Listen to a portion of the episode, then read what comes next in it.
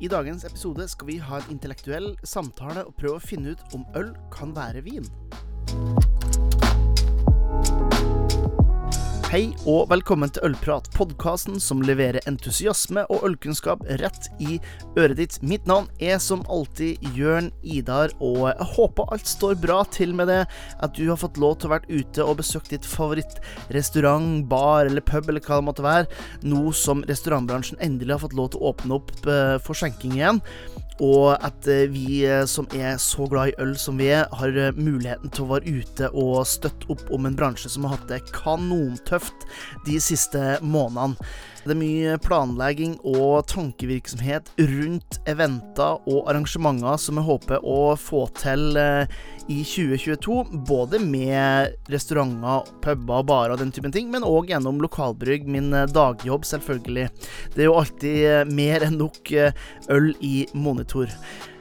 Den episoden her, den kan jeg trygt si er presentert av Patrion-supporterne, som er med på å holde øltoget gående framover. Så tusen takk til alle dere som har valgt å støtte podkasten med et par kroner i måneden. Eh, hvis du er interessert i å gjøre det samme, så er det link i shownotesen, eller du kan gå inn på patrion.com slash ollprat. Dagens episode er en litt mer intellektuell prat. Ja, altså, om jeg kan kalle meg sjøl for intellektuell, det kan sikkert diskuteres, men temaet synes er veldig interessant. Det vi skal nemlig snakke om, det er om øl kan være vin. Flere ølstiler er omtalt som vin av bygg eller av korn. Jeg snakker ikke bare om barley wine, men også berlinerweisse og lignende. Og så finnes det flere bryggerier som markedsfører ølene sine som eh, champagneøl.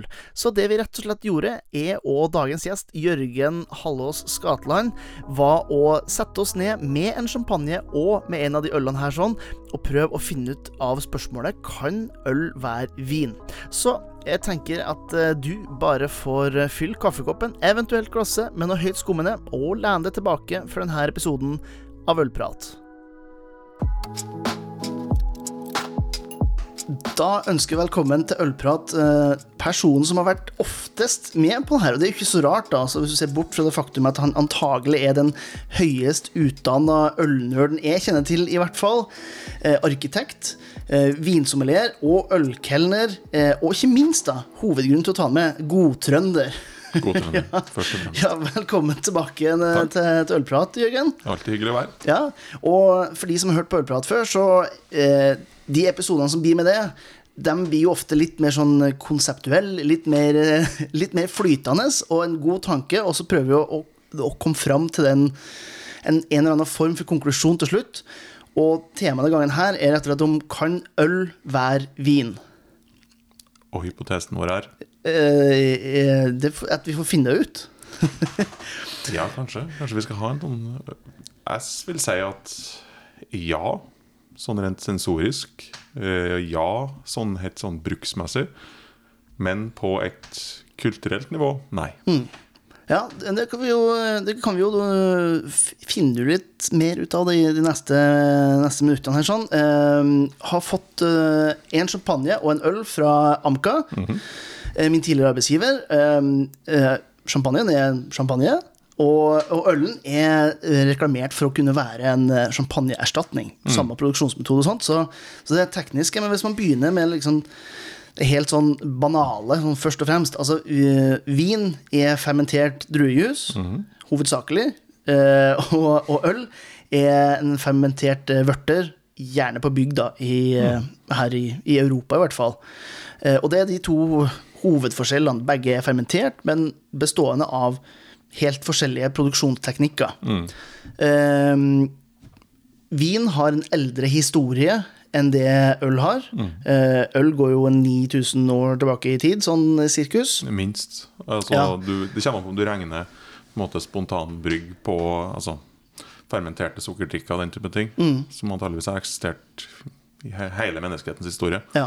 Så det er antageligvis gamlere, men eh, Ja, og, og jeg tenker Vinen også har jo en uh, Vinen har jo nok en lengre historie, fordi at du trenger ikke gjøre noe med druen, egentlig. Nei. Så lenge du har knust den, så er det gjærsporer rundt oss til enhver tid. Skal man ha øl sånn som vi kjenner øl i dag, så må du jo begynne å meske og styre og bak. Du må gjøre en kjemisk prosess på kornet som tok litt lengre tid før vi skjønte hvordan man skulle, skulle gjøre. I hvert fall før vi fikk formalisert det og den formen vi har nå. Men det er, også, det er jo egentlig litt lignende på vin, i hvert fall de siste 30 årene også. Det har vært enorme framskritt på hvordan du også behandler, behandler vin og druer. Ikke sant? Så det har vi på en måte sett også, at uh, kanskje har vinproduksjonen også blitt mer teknologisk. Og er egentlig mer industriell. For det er en dypere egentlig forskjell på vin og øl også. Uh, det er jo at vin behandles og er i veldig stor grad et landbruksprodukt. Så det betyr at det er knytta til sesonger, det er knytta til innhøsting, det er knytta til landeierskap. Det er ganske mange sånne ting. Mens ølet har ikke den samme stedsegenheten. Eh, ja, det er også et landbruksprodukt, men eh, jeg vil si at det går via industri. Selv om på en måte, kanskje gårdsbryggeriene Det er jo på en måte utgangspunktet. Men øl sånn som vi kjenner i dag, og sånn som vi drikker det, stort sett er industriprodukt. Selv om vi snakker kraft. Selv om vi snakker kraft. Ja, ja. På grunn av produksjonsmetodene er industrielle, og på en måte at det er et globalt marked for eh, handel av ingredienser. Ja, og så er det jo litt det med at hvis du har en eh, Hvis du har en vingård, så dyrker du dine egne druer, du er med på hele prosessen. Har du et bryggeri, så er du avhengig av andre sin, eh, sin ekspertise, på en måte, for Ja. å få råvarene man trenger. Ja, det er vel ytterst få som gjør alle, prosess, altså alle de prosessuelle stegene. Alt fra ja, roasting til hele veien. Det, det er nesten ingen som gjør. Nei, det, det er det ikke. Um, sånn rent kulturelt, det sa du jo litt sånn helt i, i børjan, at uh, de ikke matcher hverandre. Hva, hva legger du i akkurat uh, det at de ikke matcher hverandre? Altså vin Altså Vin har vel kanskje alltid vært et slags luksusprodukt. Eh, det er vel kanskje, i hvert fall, i hvert fall her i Norge eh, og i Norden, så har det alltid vært et luksusprodukt fordi at det måtte importeres. ikke sant? Eh, men vin har også vært det har vært tilknyttet kirka. Det har, det har, vært, det har vært det er innbakt i på en måte sakramentene våre. altså Det har, det har alltid hatt en viss kulturell kapital knytta til seg. Eh, Ølet har på en måte hatt brødets rolle. Så det har vært liksom næring. Ja. Mens vin har veldig sjelden blitt behandla som næring. Det har alltid vært eh, noe som skulle ha opphøyd noe, enten et selskap eller en seremoni eller den type ting. Og her i Norden også, så på en måte det er også et forhold mellom mjød og øl, eh, som på en måte kanskje betyr forskjellige ting. Blitt brukt på forskjellige måter, men i utgangspunktet hvis en kikker på liksom, historien, ølets historie, så har ølet alltid vært for folk. Mens vin har eh, tilhørt overklasse. Ja. Ja. Ja, og det, det er jo noe som jeg syns er, er litt interessant etter hvert som jeg har dykka litt mer ned i det her med, med øl og mat. Og en av tingene som eh, Når jeg snakka med, med bryggere og bryggeriansatte i utlandet, så sier de at det er ikke så rart at vin har en, en i hermetegn bedre posisjon. Fordi at vinbransjen har markedsført det sånn i eh, snart 100 år, i, i akkurat de landene det, det er snakk om.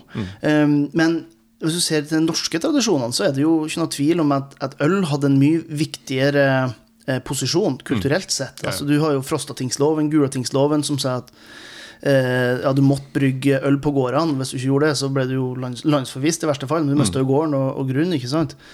Eh, og det er jo helt eh, åpenlagt at det er ikke så veldig mye druer i Norge. Nei. Så da har øl vært eh, den greia som er. Men så har jo Jeg, jeg tror jo påstå at noe av statusen til vin har kommet pga. Vinmonopolet.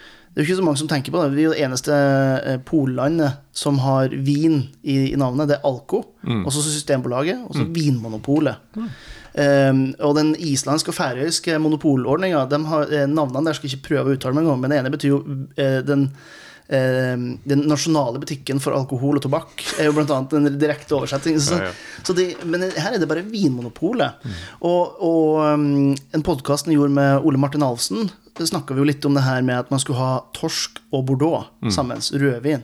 Eh, og det knytta seg opp til at bordeaux var det var det fineste man kunne kjøpe. Og på den tida så var, så var ikke torsk, da, men eh, Og han sto helt stille, da. Ja, det, det, var- men eh, poenget var at det var, råvarene var de, var de beste, og da må du ha den beste drikka til. Og det å kunne uh, gå med på en måte uh, hatten i, i handa til polet og så be om å få det beste de hadde. Da fikk du ikke ølen, som òg var tilgjengelig. Da fikk du, fikk du vin. Så jeg mener jo at fram til for eh, seks års tid siden så har eh, øl vært en litt sånn eh, litt i baktankene. Eh, og da fikk du jo den første produktsjefen på øl mm. på Vinmonopolet, og da fikk du òg en helt Altså, det tok selvfølgelig litt tid, men nå har du fått kategorier på øl. Det tenker ikke så veldig mange på. Når jeg, når jeg begynte i, i importbransjen, så var det ikke kategorier på øl. Det var overgjerda, undergjerda, spontangjerda. Mm. Uh, og det her med klosterøl eller porter eller pale ale, det var ikke noe som det var ingen som, De snakka ikke om det på polet på den måten som de eh, gjør i dag. Da. Så, så jeg tror det også har vært med på å styrt litt i forhold til eh, ja, det moderne opplevelsen av, eh, av vin og øl. Da. Ja, for det, han- det handler om Hva skal jeg si Vin har vært kultur. Og kultur eh, kan jo fortolkes på flere måter, men eh, altså, vin har vært en kultur som har vært knytta til selskapslivet, mm. det er knytta til restauranter. Det, liksom, det har vært, eh, det har vært knytta til et slags overskuddsfenomen. Mens ølet har kanskje like gjerne vært sett på som en slags standardvare. Ja. kanskje. Og det handler litt også om hvordan måte, alkoholpolitikken i Norge har, har gjort, skapt den inndelinga også, som du nevner nå, i, altså, i hvordan det har fungert på Vinmonopolet. Men det handler også om altså, bryggeriindelinga i Norge. Ja. At det er store industrielle bryggerier som delte landet seg imellom, og så har de på en måte da fôra massene med det, det, det geografisk betinga ølet. Og det er igjen noe som ikke gjør det særlig egnet til å dele det opp i kategorier og snakke om kvalitet i øl. Altså, Nei. kvaliteten på ølet var en sånn, en sånn patriotisk betinga. Ja. Uh, mens vinverden blir da også forhold til hvor enkelt øl egentlig var inndelt. da At uh, Jeg som kommer fra Trøndelag, som selvfølgelig drikker Dals. Ja. Og det er jo fortsatt litt sånn. Uh, men da blir også vin veldig ugjennomtrengelig. Ja, ja det, Altså, det er klart. det, er liksom, det er akkurat som det forventes kunnskap til å kunne sette pris på vin. Mm. Og det er nesten litt flaut hvis du ikke har kunnskapen. Og det er sånn, sånn Den type følelser var veldig sjelden knytta til øl. Mm. Og det er kanskje noe vi nå først har på en måte kommet inn i, at det faktisk er også et kunnskapstilfang til øl. Mm. At det å kan om øl hjelper deg å plukke mer interessante ting, sette det mer interessant til mat, bruke det på en helt annen måte. Mm. Mens vin har alltid hatt den statusen at det går an å vite ting om vin. Ja. Og mest sannsynlig så vet jeg ingenting om vin. Det er liksom de fleste, flestes ja, syn på vin. Og det å kunne noe om vin er også noe som gir deg inngang eller tilgang på en sånn kulturell sfære. Ja, det er sant. Og det er litt interessant med å se hvordan vinverden, og spritverden for den saks skyld, har endra seg de siste ti årene. Så der øl jobbe jobber knallhardt for å få opp ansienniteten og ja, på en måte ja, Kvaliteten har jo alltid vært der, men at man får opp eh, opplevd kvalitet. da, eh, Kunnskapsnivå i hele tatt. Så på vin og på sprit så føles det at de, de har gjort sin greie så lenge, eh, og er mye mer begrensa egentlig enn et bryggeri vil være, avhengig av hvor du er hen i, i verden. Eh, Så har du forskjellige regler for hva du kan og ikke kan gjøre, mens på øl så er det mye mer fritt. Og der ser jeg at eh, vinbransjen spesielt, men også spritbransjen sakte, men sikkert, på en måte prøve å bli mer kall det øl, da, men bli mer folkelig. Prøv å komme ned av det her eh, skinnende hvite hesten og ikke ha titler på, eh, på vinene sine som er fire eh, paragrafer, men som er enkelt å, å forstå, og historier som eh, er enkelt å, å, å ja, konsumere da, for eh, dem som drikker. Det handler litt om forventninger, tror jeg faktisk. Og det er et endra forventningsbilde. Altså Forventninger kan være en positiv ting for å drive måte, markedsverdi og den type ting. Altså det å, det å ha f.eks. kvalitetsdesignasjonene i Italia. Altså Når den er på det øverste nivået, når den er garantert. Det handler om at du har satt en forventning til at dette her er kvalitetstester, og det er garantert en viss kvalitet. ikke sant? Mens du har, du har veldig liten sånn garantiordning for kvalitet i øl. Ja, det er sant. Bare tenk på det. Og det handler om eh, altså, den Forventninga er både knytta til kunnskap, tilhørighet, det at det er komplisert, det at du krever en viss gane for å kunne skille kvaliteter, det at du skal gjette på ei drue og den type ting. Det er veldig lite sånt i øl. Ja. Så forventningsbildet er, er veldig annerledes. Og som du sier, tror jeg det faktisk har blitt snudd litt på hodet. Jeg tror at Nå snakker vi selvfølgelig fra et norsk perspektiv. Ja, ja, og, vi, og, og vi er litt spesielle med tanke på at vi har Vinmonopolet. Eh, Vi har på en måte tilgang på de beste vinene i verden. Relativt rimelig. Ja. Sånn, sånn relativt sett, i hvert fall. Men vi har også, pga. Vinmonopolet nå de siste årene, begynt å få tilgang på det beste ølen Mm. i verden. Ja. På samme måte. Så der har de nærma seg hverandre. Men jeg, jeg veit fortsatt ikke sånn Vi er jo skikkelig Vi er jo skikkelig biased. Ja. Eh, så vi, vi, det er vanskelig for oss å leve oss inn i hvordan det er å være um, vinforbruker eller ølforbruker sånn, sånn helt vanlig uten å ha vært i bransjen. Det er sant. Jeg tror fortsatt det er en god del på en måte at folk drikker det de vet hva de, Når de vet hva de får, både på øl og vinsida, og at de søker etter kjente ting. Og det er en litt sånn, Da er kjent øl noe helt annet enn kjent vin. Ja. Ja, det, det tror jeg jo. Det jeg, jeg hadde en, en Når vi tar opp det her, så har jeg akkurat vært på en smaking. Eh, og da var det en av de gjestene som var der, som snakka om Vestfilletteren 12. Mm. Eh, og snakka om den Verdens beste øl. Ja, men akkurat det. Altså, det er ikke mange nerds eh, som snakker om Vestfilletteren 12 i samme måten som vi snakka om Vestfilletteren 12 for eh, altså 10-15 år siden. Ja. Som liksom den ordentlig store opplevelsen, det her mystiske ølet. Eh, og det har jo noe med at tilgangen har blitt mye større. Uh, men så tror jeg også det at uh, man har på en måte avmystifisert litt. Og den mystikken rundt det har vært det som har vært hermetegn kvaliteten. da For Stormaktsporter også, eh, fra, fra Sverige, var jo en øl som var nesten umulig å få tak i.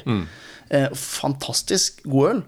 Om det var verdens beste, det er jeg ikke så sikker på. Men den har, har jo blitt kåra til det i Rate Bear mm. år etter år. Sammen med Vestfilletteren 12, da.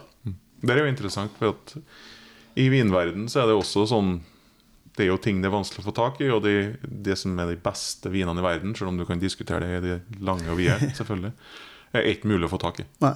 Altså, hvis du skal på en måte få tak i de mer, de aller mest interessante burgunderne, så må du liksom Det er ikke nok å ligge i sovepose utenfor polet.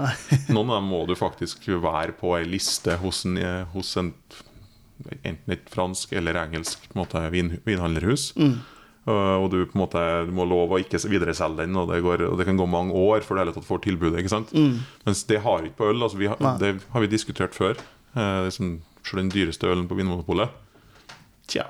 Tja. Ja, Den var jo oppfattet som relativt tilgjengelig. Ja, ja. Mm, det er ikke noe sånn Det er ikke en stor avgjørelse å kjøpe den. Nei, det er ikke det. Litt komisk, men uh, mens liksom, det er ingen som går rundt og kjøper altså, kjøper den dyreste vinen. Da, da kan du bare forsvinne inn i verden. Ja. sant? Det, Ja, ja. det, er sånn, det er helt annerledes, da. Så jeg tror at måte, det aller beste av øl er tilgjengelig for folk flest. Mm. Mens det aller beste av vin er slettes ikke tilgjengelig for folk flest. Nei.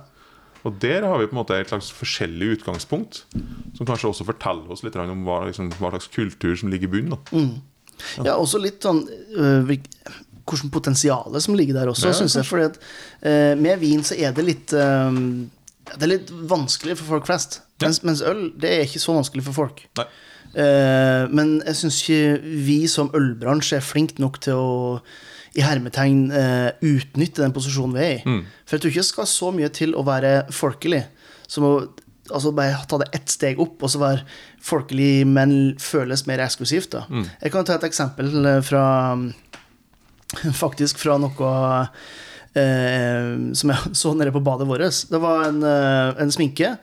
Eh, Bitte liten boks. Altså, jeg vet, jeg vet ikke, kanskje sju, meter, sju centimeter høy og fire centimeter bred. Og det sto mer informasjon på baksida den på hvordan du kunne bruke den, og hva du kunne bruke den med, enn det gjennomsnittlige ølet, som, som er liksom 33 centiliter, altså svære etiketter.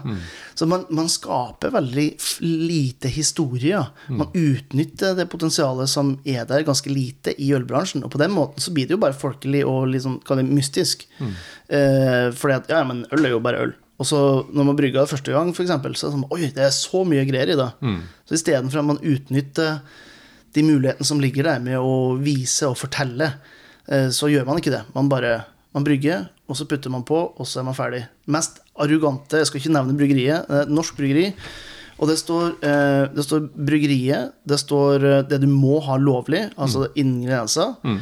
Eh, det sto navnet på ølet, og that's it. Det står ingen verdens ting ellers. Nei. Og da er det sånn Jeg skjønner, altså Folk kommer til å kjøpe det fordi at det, det var en sånn type øl og et sånn type bryggeri.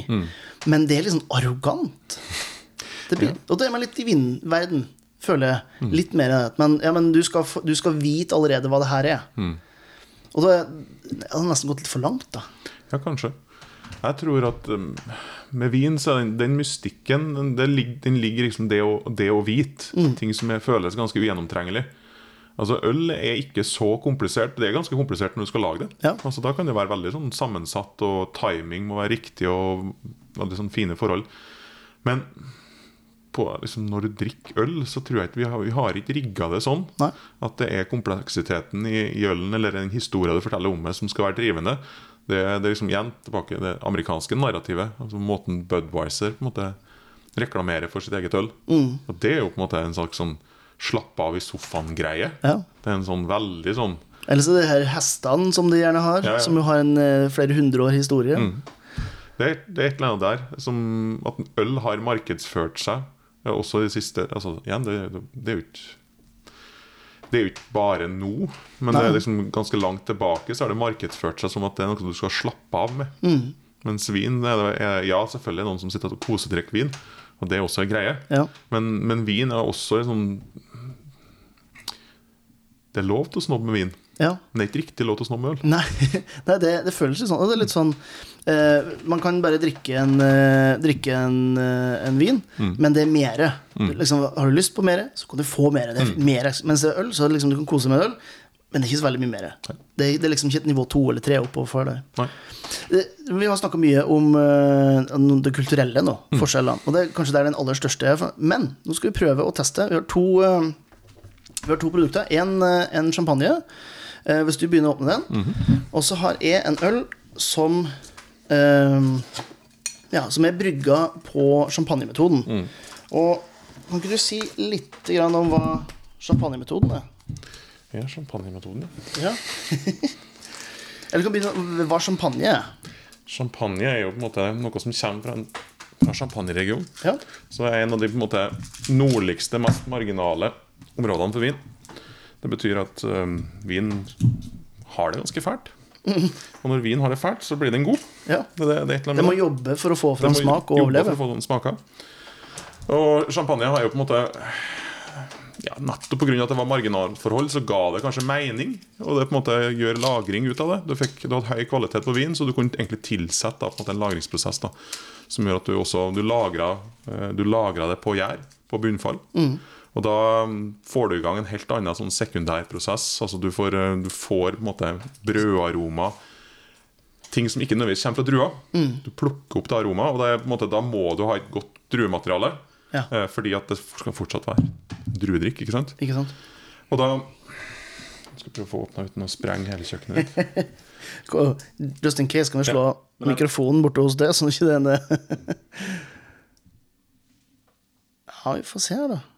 Ja, det var, det var så stille og Det var så elegant at den kan vi Ja, den var litt hissig ut av eh, flaska. Ja. Altså, da har du, har du jo champagnen, og så, så snakker vi om helt i, i starten her. Ja, og det er liksom Det champagne Det som egentlig er, er med champagne, er ikke nødvendigvis Ja, det er boblene. Og det kommer jo også fra en naturlig fermenteringsprosess, ikke sant? Mm. Når, det jobber, når det jobber uten CO2. Eller produserer CO2. Men så er det også det at du har en vin som har et mye bredere spekter. Altså Det er på en måte en veldig dyr produksjonsmetode. Du må ha lagring, det tar lang tid. Du sitter med masse på en måte av hva skal jeg si, kapitalen din bundet opp, opplagra. Og da har du et produkt som på en måte er rikere enn bare vanlig pressa druejus. Ja. Her har du på en måte det, det ligger i produksjonsmetoden eh, og lagringa, så tilfører du egentlig verdi da, til druematerialet ditt.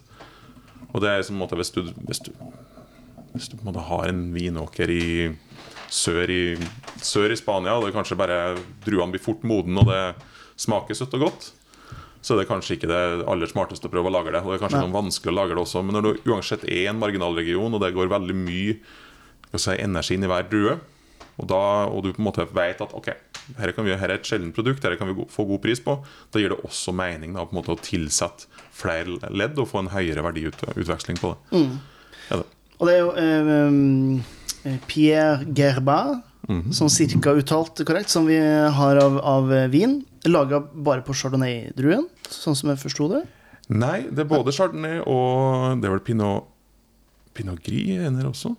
For her, herren har Du kan jo lage både med, med Altså, du har pinot noir, du har eh, pinot Menier du har, og chardonnay. Det er de klassiske eh, champagnedruene. Men du kan også ha pinot gris. Og her er en av de få champagnene som har litt av det. Eh, uten at det nødvendigvis for meg gjør den så veldig spesiell. Nei. Fordi at For meg så er det som er spesielt med champagne, er nettopp det at den har de lagringsaromaene. Det har den på en måte, den autolysepreget som kommer fra jern. Så for meg er champagne noe som dreier seg om winemaking mer enn det kanskje dreier seg om druemateriale. Men så har du selvfølgelig Du har jo Grand Cru Premier Cru-marka. Det, det er jo også stor forskjell på champagne. Ikke sant? Men ofte så er det på en måte er det kvaliteten på druematerialet som avgjør hvor lenge du bryr deg med å lage det. Ikke sant? Ja. Så igjen, det er liksom en veldig sånn tett integrert prosess akkurat i det. Og ølen vi har, er Balladin i QV eh, 36. Mm. Jeg vet ikke hva 36 er på italiensk, så jeg skal ikke prøve meg på det heller. Men de, eh, eh, de snakker om den som en ølets svar på champagne. Og det er jo ikke, det er ikke en ny ting. Det finnes jo belgiske øl også. Mm. Eh, Død, altså det er jo blant annet en eh, som er brygga for å være en sånn champagne. Man snakker jo om berlinerweise som uh, Som eh, en form for ølets svar på champagne også, med syre i hele tatt. Mm. det som skiller det her i forhold til, til det, er jo det at den er jo blant annet lagra på den champagnemetoden Ja. i 36 måneder, derav navnet. Så den har ligget på bunnfall da Ja. i 36 måneder, på samme måte som den champagnen her. Jeg vet ikke hvor lenge den har vært på bunnfall. Men eh, det er ikke så tåpelig. Den har antageligvis ikke vært så lenge. Nei. Og det, eh, og det kan vi si eh, at det ligger på gjær, er jo ikke så uvanlig når det kommer til, til øl. Mm. Men på vin så er ikke det så vanlig, og da ser du den, som du sier, den eh, ja, det gir litt andre aromaer enn eh, bare druemosten i seg sjøl.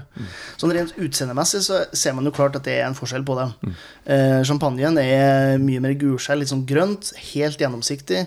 Eh, mens eh, QV36 den, den ser ut som en øl, rett og slett. Eh, litt mørkere, litt, eh, ja, litt sånn lett oransje, huey eh, farge. Ja. Og det er vel, altså Hvis en skal beskrive hvilken type øl det er, så det, den oppfører seg veldig som en barley wine, egentlig. Så det, det er jo ganske Det er ganske mye malt som er brukt. Ganske høy alkoholprosent. eh, Og det er jo en veldig lang gjæringsprosess også, så du kan jo anta at den har blitt produsert alkohol litt lenger. Men eh, Og den har eh, Den er også ganske rik i, i tilfang av urter. Så de har jo liksom våga og eksperimentert ganske bredt. Men den er også veldig sånn hvis du lukter på den så, altså det, det er jo et gjærpreg der. Det er ikke noe tvil om det. Det. Som blander seg med urtene. Så det er en veldig sånn komplekst preg. Så veldig mye av det som linkes opp mot champagne, her er også kompleksiteten. Mm. Jeg, jeg, liksom, jeg syns dette er mye mer en bedre sammenligning med champagne enn Berlinerweisse. For Berlinerweisse har veldig ofte veldig mye nese, men det er veldig mye av det som på en måte er fruktighet, som regel. Fruktighet og syre. Her er det på en måte ikke syra som popper. Her er det på en måte både lagringsaroma, litt malt, men også ganske mye av urtene. Jeg synes eh, Det lukter ganske annerledes, men de har en del ting til felles. De, begge lukter veldig friskt. Lukter veldig fresht. Litt sånn grønt eple i begge to. Yeah. Og så det her eh, gjærpreget som du, som du snakker om, i form av litt eh, altså sånn her halvveis inni en, en brøddeig. Ja, Så sånn, halvveis inni brødet er veldig godt. Ja. altså, vanligvis så kan du liksom gå imot liksom brioche og den type ting. Mm. Eh, kanskje tydeligere i, i den champagnen. Her er jo ikke den mest autolyseprega champagnen, syns ikke, synes ikke jeg. Eh, men den og altså, er den eh, Det- det er gjærpreget som du får. gjær- gjærpreget. Og det at det ligger på bunnfallet, som gjør at det på en måte er en utveksling da, i aromaen. Mm. Men det er sånn brøddeig. Altså, den er på en måte ikke verdt i ovn. Nei. Jeg synes det er liksom eh, Og det, det er like mye jern som gjør det som malten i det i tilfellet her. For at maltpreget skal jo ha, ha, ha en slags brent karakter, så det blir ofte Her er det kanskje knekkebrød, kjeks, den typen ting som ligger på malten, men så er det på en måte brøddeig rett og slett som kommer fra, fra at det har ligget på bunnfallet. Smaker, merker jeg med en gang jeg smakte champagnen. Det er lenge siden jeg har smakt champagne. Det er ganske sånn høy karbonering, men, men fin, perlende eh, munnfølelse. God friskhet, sånn at det på en måte ja, du, du, det, det skjerper appetitten, for lyst på noe mat. Fikk det er jo Fryktelig lyst på skalldyr. eh, Ikke sant? Nei, men det det er også syra, ikke sant? Det er en kombinasjon av den elegante karboneringa og syra. Det er liksom en virkelig sånn Får lyst på mat. Mens Mens når jeg er på ølet, har mye av den samme sånn syregangen. Men ølet oppfatter i hvert fall jeg som mer fyldig, ikke så syrlig. Det er friskhet i det, men litt, altså, munnfølelsen er det som gjør det helt annerledes her. ja, Det er en mye rikere munnfølelse. Jeg, står fortsatt på det, altså det barley wine-utsagnet. Den drikker som en barley wine, selv om den har mye bedre karbonering enn du henter av en barley wine. Så er den, på en måte, den har en rikdom, det er restsødme. Eh, om det skal sammenligne med en champagne, så har det antakelig vært en, en søt champagne. Ja. En, en, kanskje det med en demisek eller noe sånt som det. Eh, den oppfattes som en mye rikere drikk, og det er på en måte som, som en aperitiff så er den kanskje, kanskje nesten litt kraftig. Ja, det Beklager. Det er jeg nesten enig i. Fordi at En av de tingene som jeg i hvert fall har sagt opp igjennom, det er at eh, når det kommer til, kommer til å smake på øl og på vin eh, Det å, å smake på vin det er vanskeligere enn øl, for øl har sine smaker på utsida. Ja. Det er ganske klart hva det smaker, og hvilken vei det går i. Det er ikke sånn, Du er ikke i tvil om det, det lukter kaffe. Det er, liksom, det er kaffe, så bare hvilken grad av kaffe det er. Men når det kommer til, um, når det kommer til vin, så må du lete mer. Det er en mer sånn oppdagelsesferd på en, på en måte. Det er, mer en Vanskeligere. det er en gravejobb, og så er det med, med champagne. Altså er det, det, er veldig, det er to ting som er opplagt. Det er karboneringa, og så er det friskheten. Mm. Ikke sant? Som også er litt av syra og den type ting. Så den er, hvis du ikke tenker, så drikker du og så er det på en måte hm, det var friskt og godt. Ja. Og så er det sånn, Hvis du er interessert, så går du og graver litt. Ja, hvordan er gjærpreger? Hvordan er balansen mellom fruktigheten og gjærpreger? Er det noen lagringsaroma? Den type ting kan du også gå til. Mens den ølen her er faktisk ganske sånn Den er ganske direkte, altså. altså den er ganske utfordrende, faktisk. Eh, For meg er det noe av utfordringa ligger ikke i det ølaktige, men det ligger i urtene som er brukt. Som gjør at det, er, måte, det er komplekst, og det er faktisk en rik munnfølelse. Og det er sånn at eh, jeg begynner å tenke med den. Ja. Jeg tenker ikke når jeg drikker champagne. Nei. Da bare skruller jeg. Men med den ølen der så må jeg må øyeblikkelig Oi, her må jeg forholde meg til. Ja, men den, den, den insisterer ganske på at her, her har du nettopp opplevd noe ganske spesielt. Her er ikke sånn som øl. Det er definitivt en øl, Mm, ja, ja. men den er så mye bredere. Den har så mange flere dimensjoner enn en, en vanlig øl har. da Så mellom de to her Så er det, sånn, er det, er det ølen som er spesiell. Som, det er ikke en ekstraordinær champagne. Nei. Det er en god champagne, og jeg så jeg tok feil også. Det, er- det er Pinot Blanc. ja. Så det var ikke grisen. Um, og den er på en måte For min del har uh, Samboeren min er veldig interessant, for hun liker ikke vin. Nei. Hun liker heller ikke øl. Nei. Men det finnes unntak. Eh, Og det er på en måte Grand Cru-champagne. Det er unntaket. Så hun liker toppkuveene Ja. til champagnehusene, og så liker hun Rodenbach. Ja. Så det er noe spesielt der. Det er et eller annet, et eller annet der som gjør at som, Jeg syns det, det er en god champagne, men det er en helt ekstraordinær øl. Altså Ølen her er spesiell. Det er en sånn, eh, det er en sånn øl som kan endre livet ditt. Det er, det er, jeg ville vil ikke gitt opp livet mitt for den champagnen. og jeg, som som sagt, jeg er både vinkelner og ølkelner, så jeg like glad i begge to. Det er litt feil å si på den podkasten her. Nei, Men uh, som Jeg går like gjerne på oppdagelsesferd i vin som i øl. Men jeg syns fortsatt altså, det at den, den ølen her Den gir meg noe ekstra. Ja. Uh, og igjen, jeg sier ikke at den gir meg noe ekstra som at Oi, det var det beste jeg har smakt. Den gir meg noe ekstra for at den utfordrer meg. Det er Og det, det. og det er kanskje det man savner litt fra det, her med en vanlig øl. da Man savner det å bli litt utfordret. For at en, Her er det noe, ikke sant? ja, for mm. en, en vanlig pilsner eh, Hele oppgaven til en vanlig pilsner er ikke at du skal tenke. Det er at du skal, du skal slukke tørsten, du skal komme i en sinnsstemning. Og du snakker ikke bare om rusen sin del. Men altså, man drikker jo det gjerne i en setting som er sammen med venner. Det er fotballkamp, det er en kjempevarm dag. Altså, det, det er den typen Ja.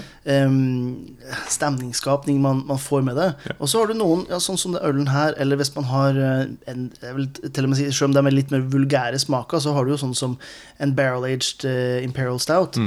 Ting som får det til å stoppe opp, uh, får det til å tenke litt mer.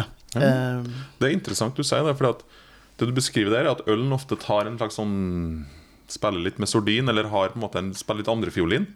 Til, ikke bare til maten, det er ikke sikkert det er mat, men, men i forhold til aktiviteten.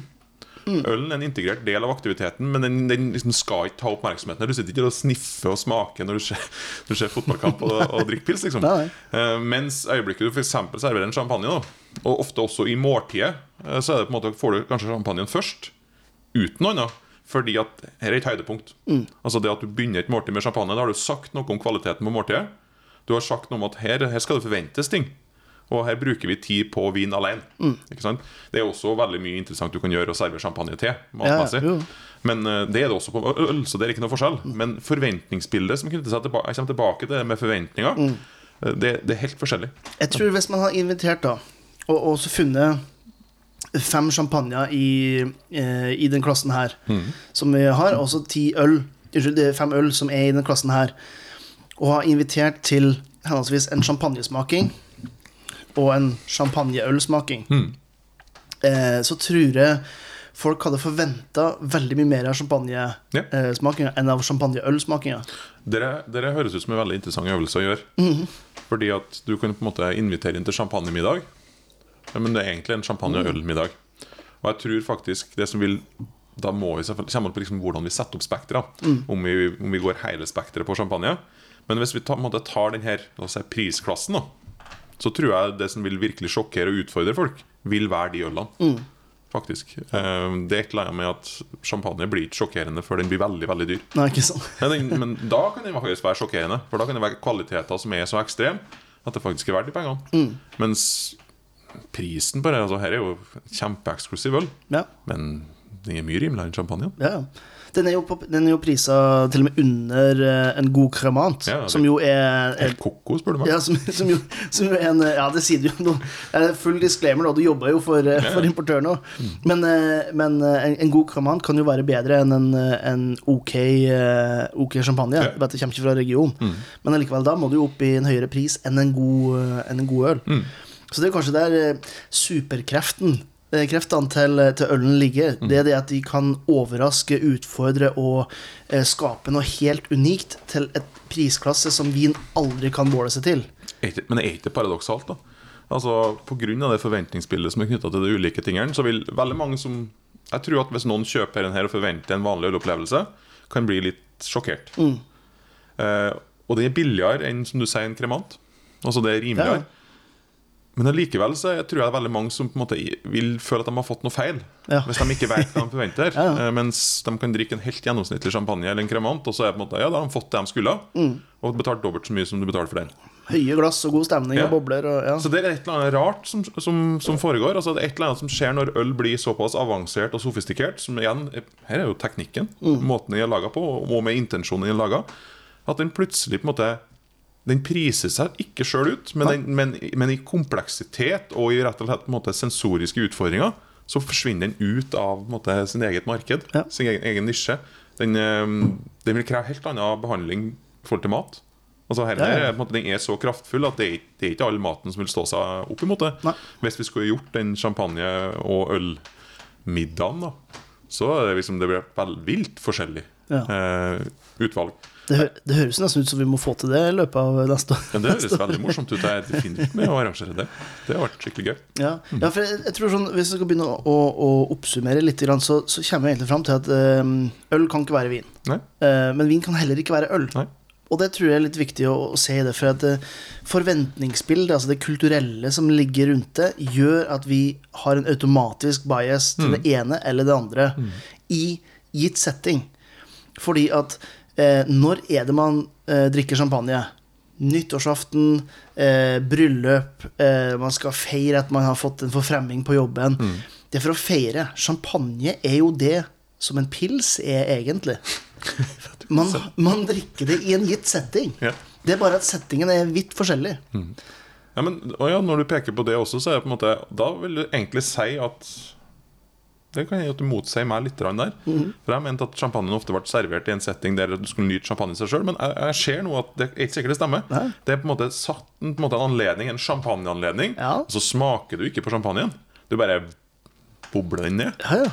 Mens hvis vi nå hadde tatt en champagneanledning, så har vi servert Metodo Classico, øl. Da ville vi fått eh, Da ville det skjedd ting. ja, det tror jeg. Da ville, da ville det blitt scener. Ja. både på godt og vondt. Ja, ja, det tror Jeg, jeg. jeg tror vi kunne, Hvis vi bare blånekta på at det var en øl, og sagt at nei, men her er champagne, Ja. så ville folk bare måtte ha godtatt det. Ja. Hvis det ikke var noen, noen spesialister, selvfølgelig.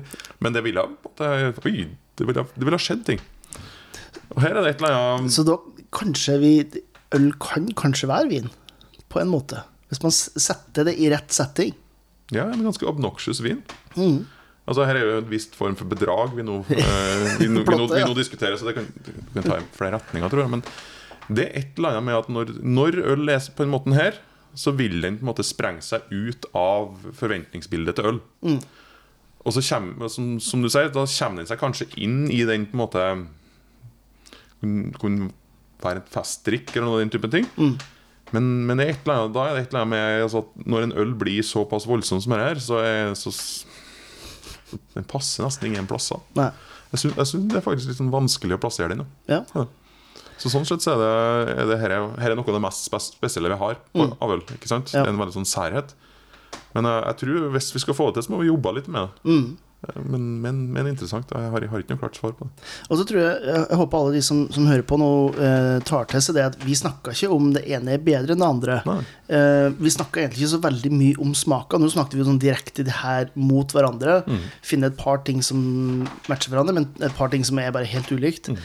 Eh, fordi det virker som at vi er ganske enige om at eh, det er ikke kvaliteten som, som det på en måte skorter på. Det ene er ikke bedre enn det andre. Nei, på ingen måte. Og jeg, Men- jeg. Men det virker som vi kommer fram til at det er en kulturell stigma til den ene eller andre. Eh, Du har ikke lyst til å dra til eh, å se eh, Bodø-Glimt slå Roma, eh, og så etterpå så skal du gå ut og feire med en, en god flaske med champagne.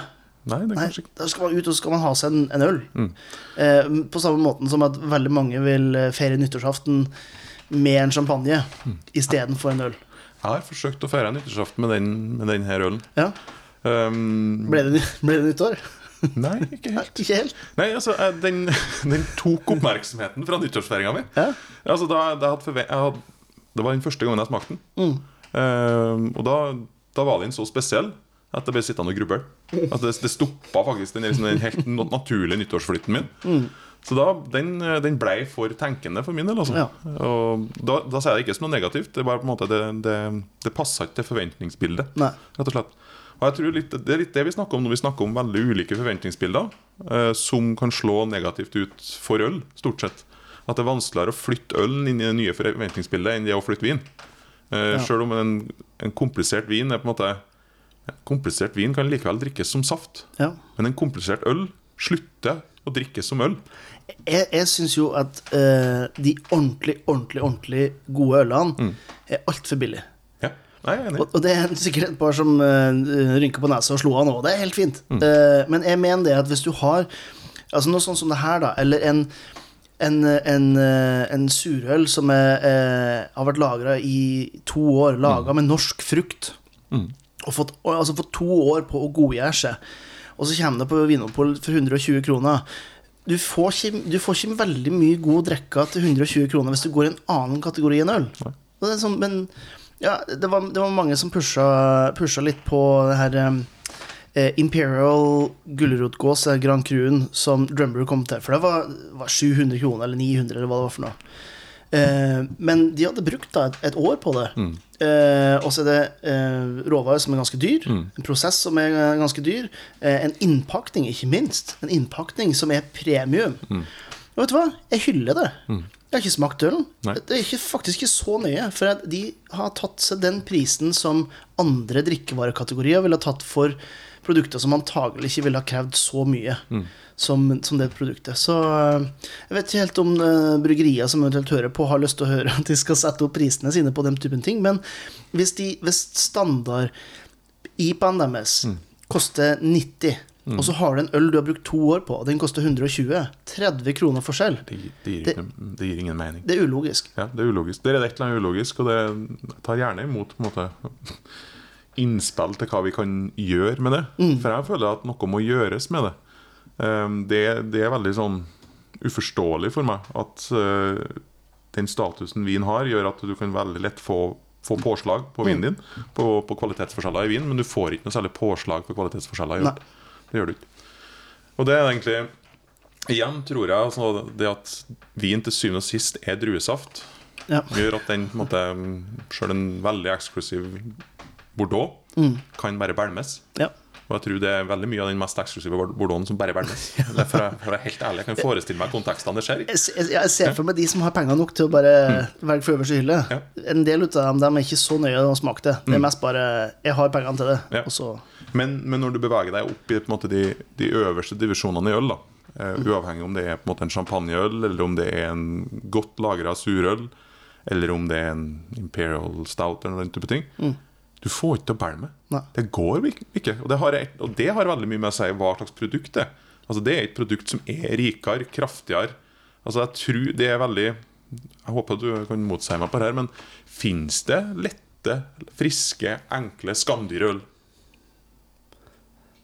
Eh, det må eventuelt bli den eh, som er sånn her uh, on top of my head, den eh, ja, ly, eh, lyse lageren på litt høy alkoholprosent som Karlsberg lagde med gjæra som ble Ja. funnet i en båt som hadde sunket for um, lang, lang tid siden. Ja, og da blir det Det blir jo Det har jo egentlig ingenting med kvalitet å gjøre. Nettopp, det har det med, med storytelling. Ja. Mm. Men kanskje det er der man mangler litt på øl. da Man mangler den storytelling. Man mangler det å skape en dybde i produktet. Mm. Fordi det er, jo, det er jo bare øl, i hermetegn. Det er jo bare gjær, og det er bare malt. Og det, men hvis man greier å fortelle historiene rundt det, hvis man greier å vise hvor spesielt det er faktisk å få til maltproduksjon i en eh, forblåst plass oppe i Trøndelag mm.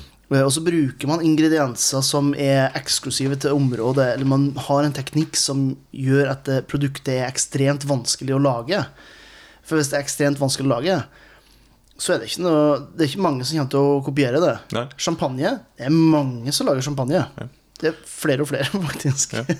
Ironisk nok. Men du kommer inn, det er litt sånn interessant, selv om vi kanskje går mot slutten nå, så er det sånn Det at noe er kopierbart Og her er litt sånn eh, Her er det på en måte flere lag med symbolikk, da. Men det at du har et stykke land som du vokser druer på, og de druene, druene har blitt gode, dem, eh, og du har på en måte tatt vare på dem på en god måte, og du holder på en måte utbyttet ned, og du eier.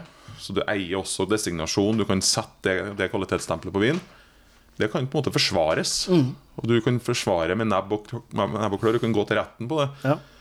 Men på ølsida så har måte øl har utvikla seg eh, kunstnerisk på en annen måte. Gjennom deling, gjennom måte eksperimentering med oppskrifter. Ja. Gjennom eh, også eksperimentering med råvarer. Som ikke dreier seg om å forsvare det lille stykket som er ditt, din del av verden.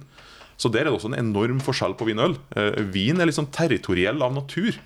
Mens øl har på en måte vært en felles skapervirke. Det har på en måte vært en sånn fellesprosjekt. da I hvert fall craft-sida av det. Ja, ja. Og, og kvalitetsprodusenter har alltid vært på en måte Hva skal jeg si Kanskje det store bryggeriene de som vil lage det mest generiske ølet, er de som har vært mest territorielle. Ja, men tvil mens en måte, kunstnerne og de som har laga de mest spesielle ølene, de har jo på en måte vært, vært ute og delt. Ja, ja. Ikke sant? Alle, I aller største grad. Du har jo rene, du har jo rene på en måte reisende bryggeri Mm. som bare gjør collabs. Ikke sant? Som er kanskje, De tilhører det segmentet av de mest eksklusive ølene. ja. Så der er det et sånt, veldig stor, en sånn stor grunnleggende forskjell. Da. Ja, det er litt fascinerende sted at, mm.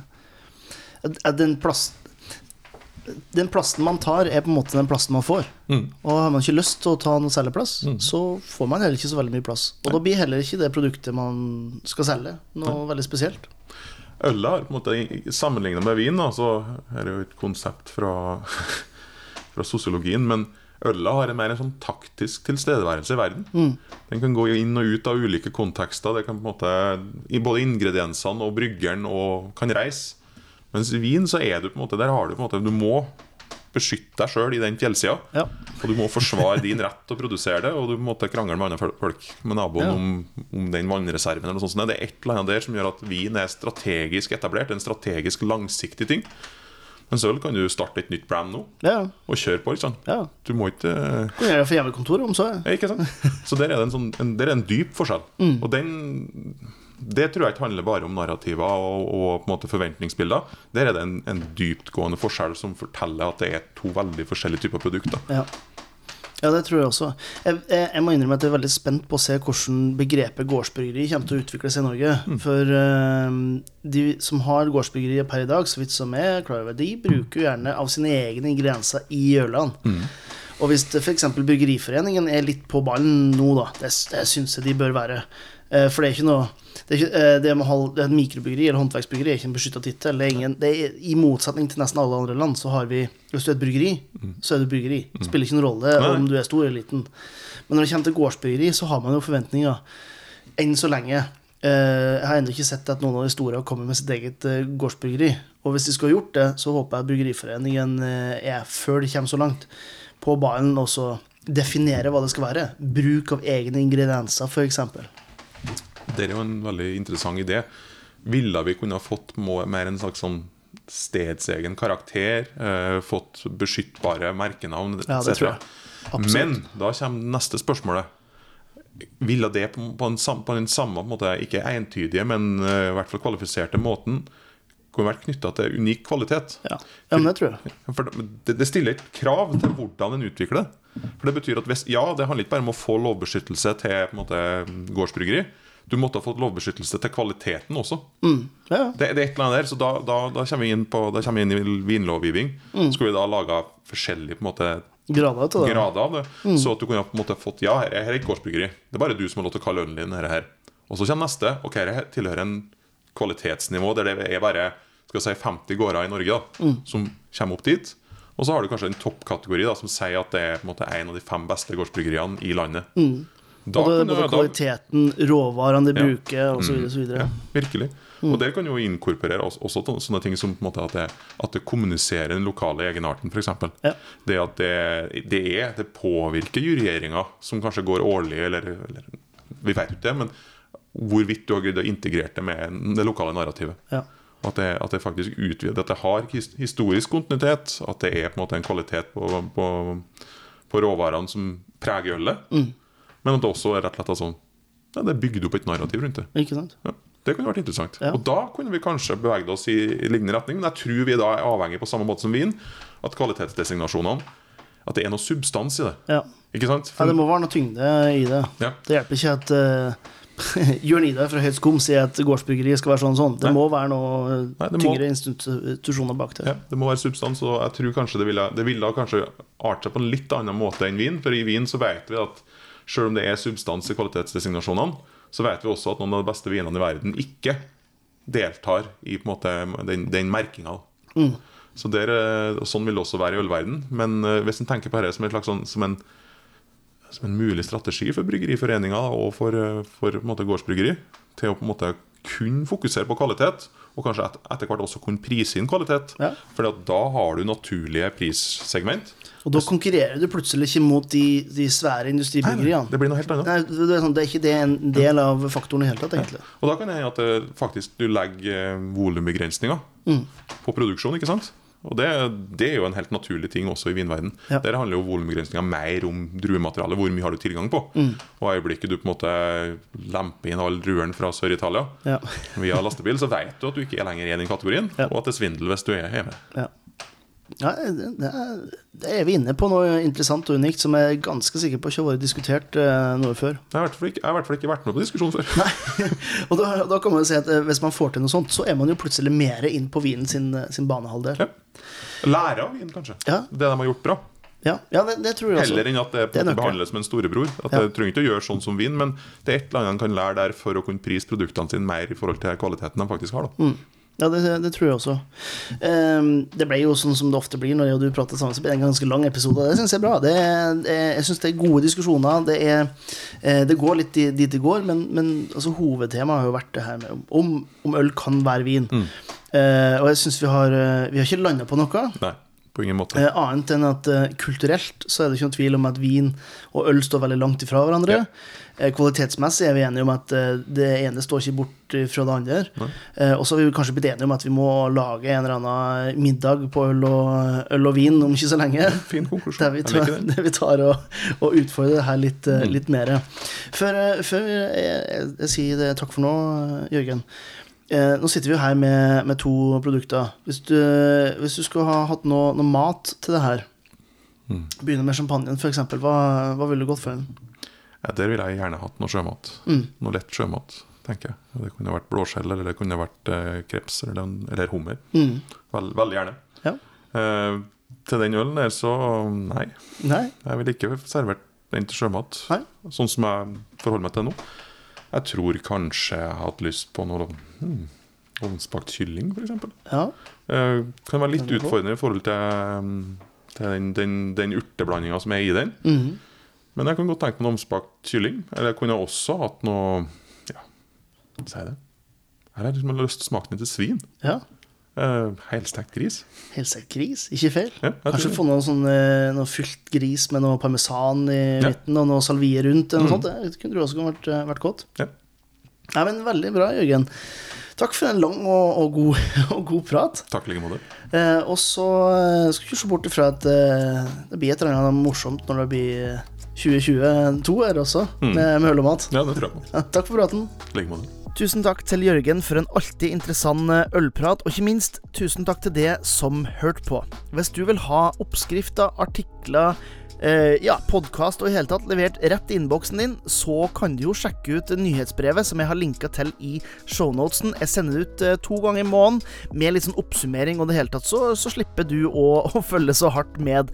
Og har du lyst på en ekstra episode i måneden og hør denne typen podkaster før alle andre, ja, da er det patrion.com slash ollprat som er stedet. Der kan du støtte Ølprat med et par kroner i måneden, eh, og samtidig få litt ekstra bonus. Det tenker tenker jeg må være veldig innafor. Eh, som alltid, du finner meg og podkasten på Instagram, Facebook, LinkedIn, YouTube osv. osv. Setter pris på å ha dere med på det her eh, øltoget. Og så håper jeg til neste gang at du husker det, at livet, det er for kort for å drikke dårlig øl.